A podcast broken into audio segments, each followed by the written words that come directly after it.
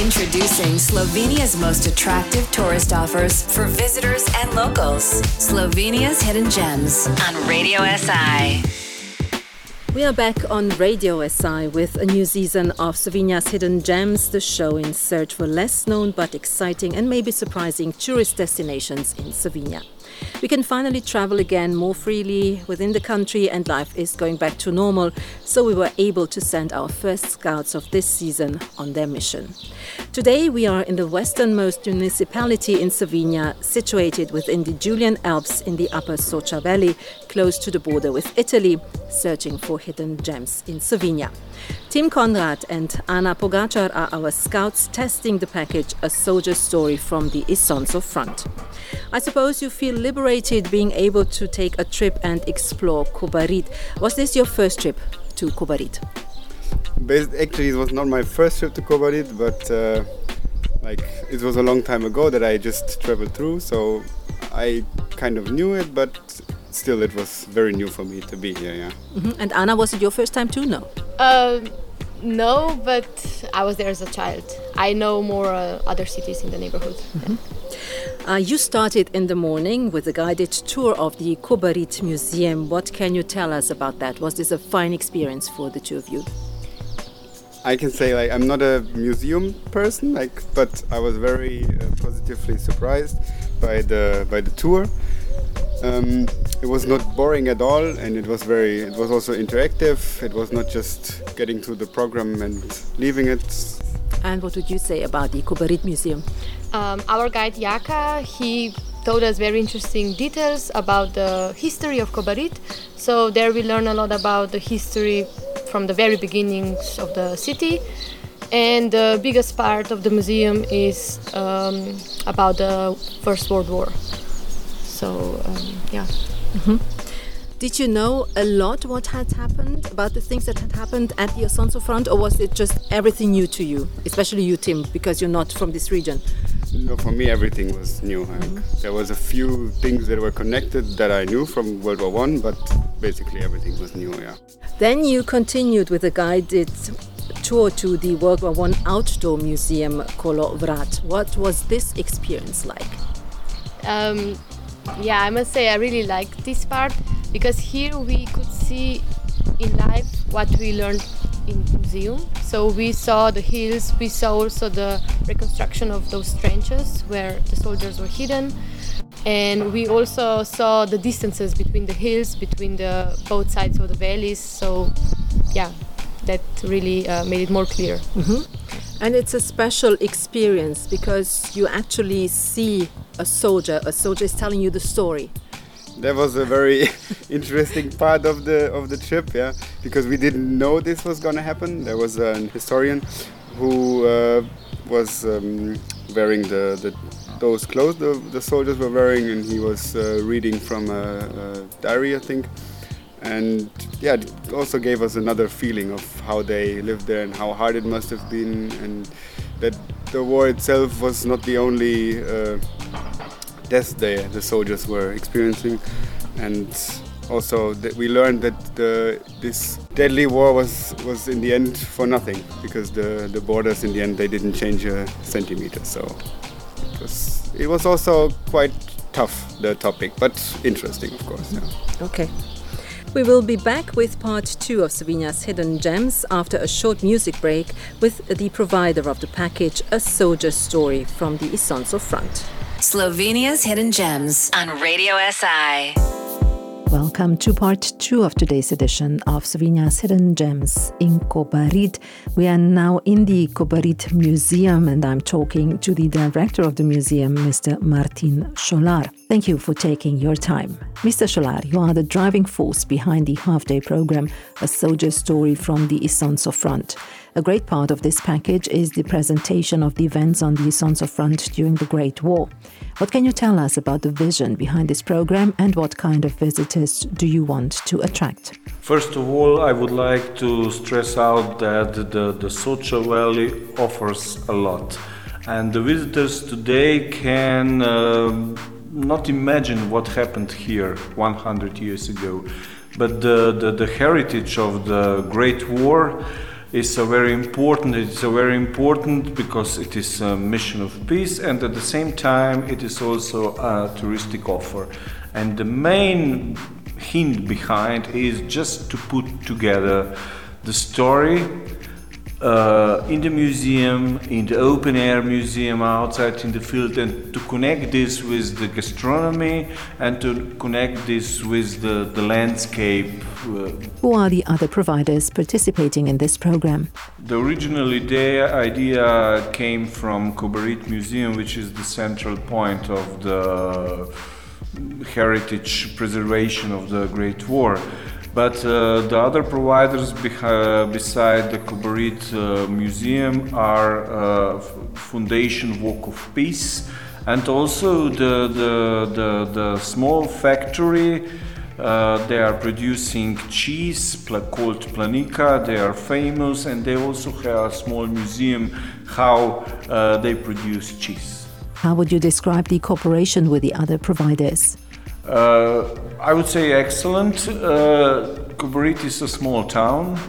We know each other, especially Foundation Walk of Peace. They are dealing with the same uh, things uh, we, we deal in the Kobarid Museum, and I also know personally the director of the Planika. Uh, the, of the Planika company, and they were very happy when we provided the first idea for this common package. Are you satisfied with the number of foreign tourists to the region and to the museum? Uh, the museum is here already 30 years, and uh, the, our museum it's, it's uh, somehow a private initiative, and uh, it is the most visited museum in Slovenia. If you take out Bled Castle and Ljubljana Castle, which is an attractive point beside museums, of course. But uh, we live from the tourists, from the visitors.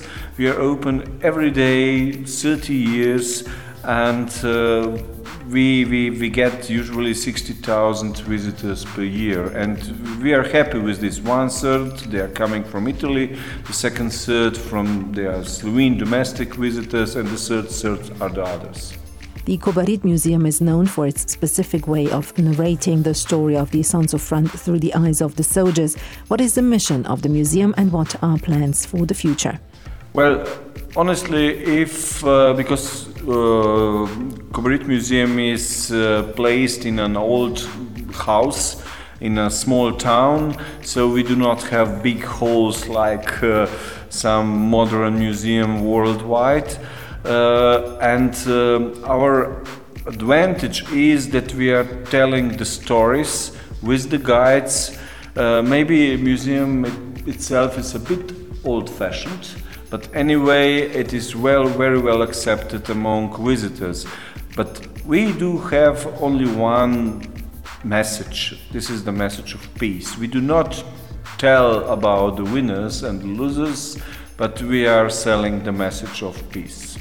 Mr. Šolar, thank you for taking your time.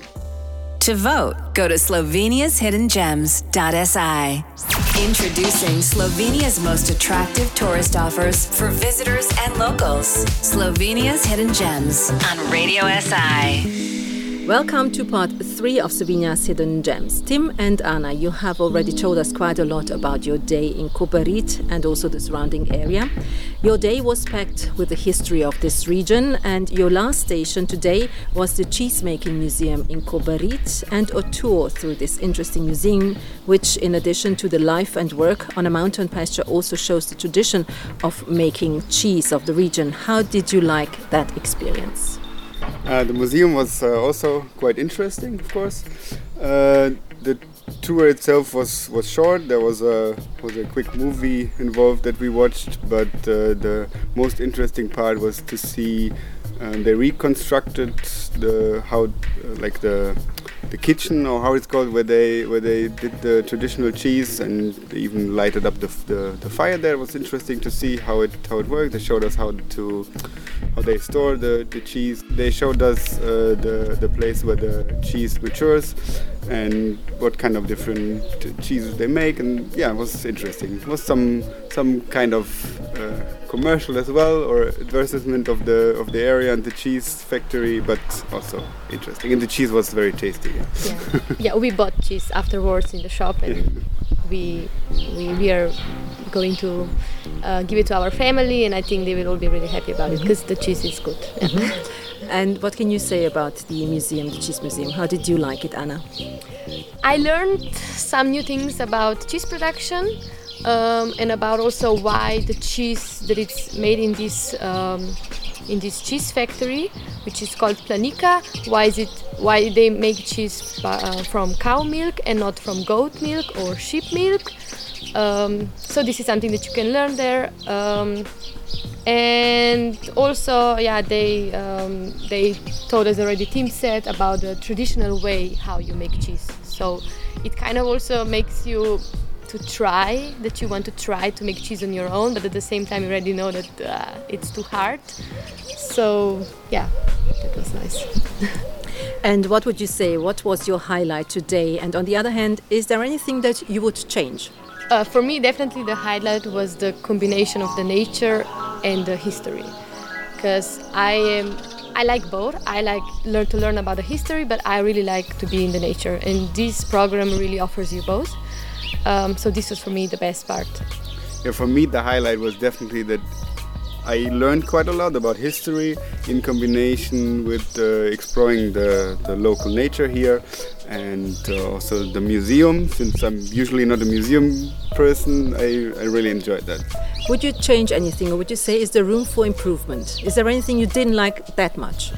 Maybe the, the tour through the cheese museum was a bit too too oriented on advertising the cheese factory there but that's the only thing basically. Yeah. Mm-hmm. The rest was really nice. You, Ana, would you change anything? Mm, maybe the same. I mean, I'm sure that in the cheese museum, cheese factory museum, maybe we could get more details or more facts about the about other things. Yeah, not just the factory itself. Mm-hmm. Mm-hmm. Yeah.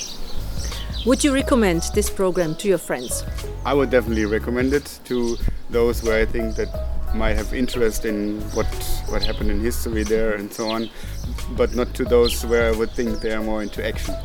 Yeah, we already asked for more details about um, also like accommodation possibilities in this area because definitely when Tim's family comes from Germany, we will bring them here for a weekend or so. Yeah. So this would have been my last question. Will you come back to Kobarid and explore more? The answer you've already given it. Thank you for taking your time. Thank you for exploring Kobarid. Find out more about Tim's and Ana's trip to Kobarid and the surrounding area on our website www.sloveniashiddengems.si. Don't forget to tune in in two weeks' time for our second edition of season three of Slovenia's Hidden Gems. Slovenia's Hidden Gems on Radio SI. Possibly overlooked, but impressive places to visit. To vote, go to slovenia's sloveniashiddengems.si.